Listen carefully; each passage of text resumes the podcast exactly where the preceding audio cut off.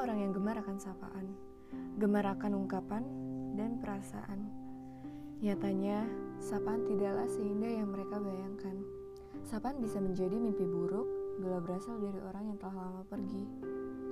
Benar, ia telah kembali untuk pertama kalinya, membawa segala alasan untuk dijadikan suatu kebenaran.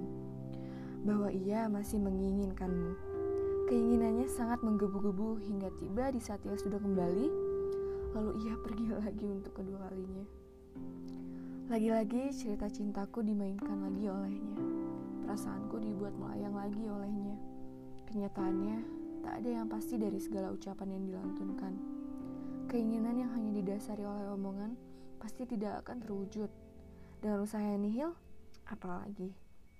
Ia hanya bersinggah dengan sapaan manisnya.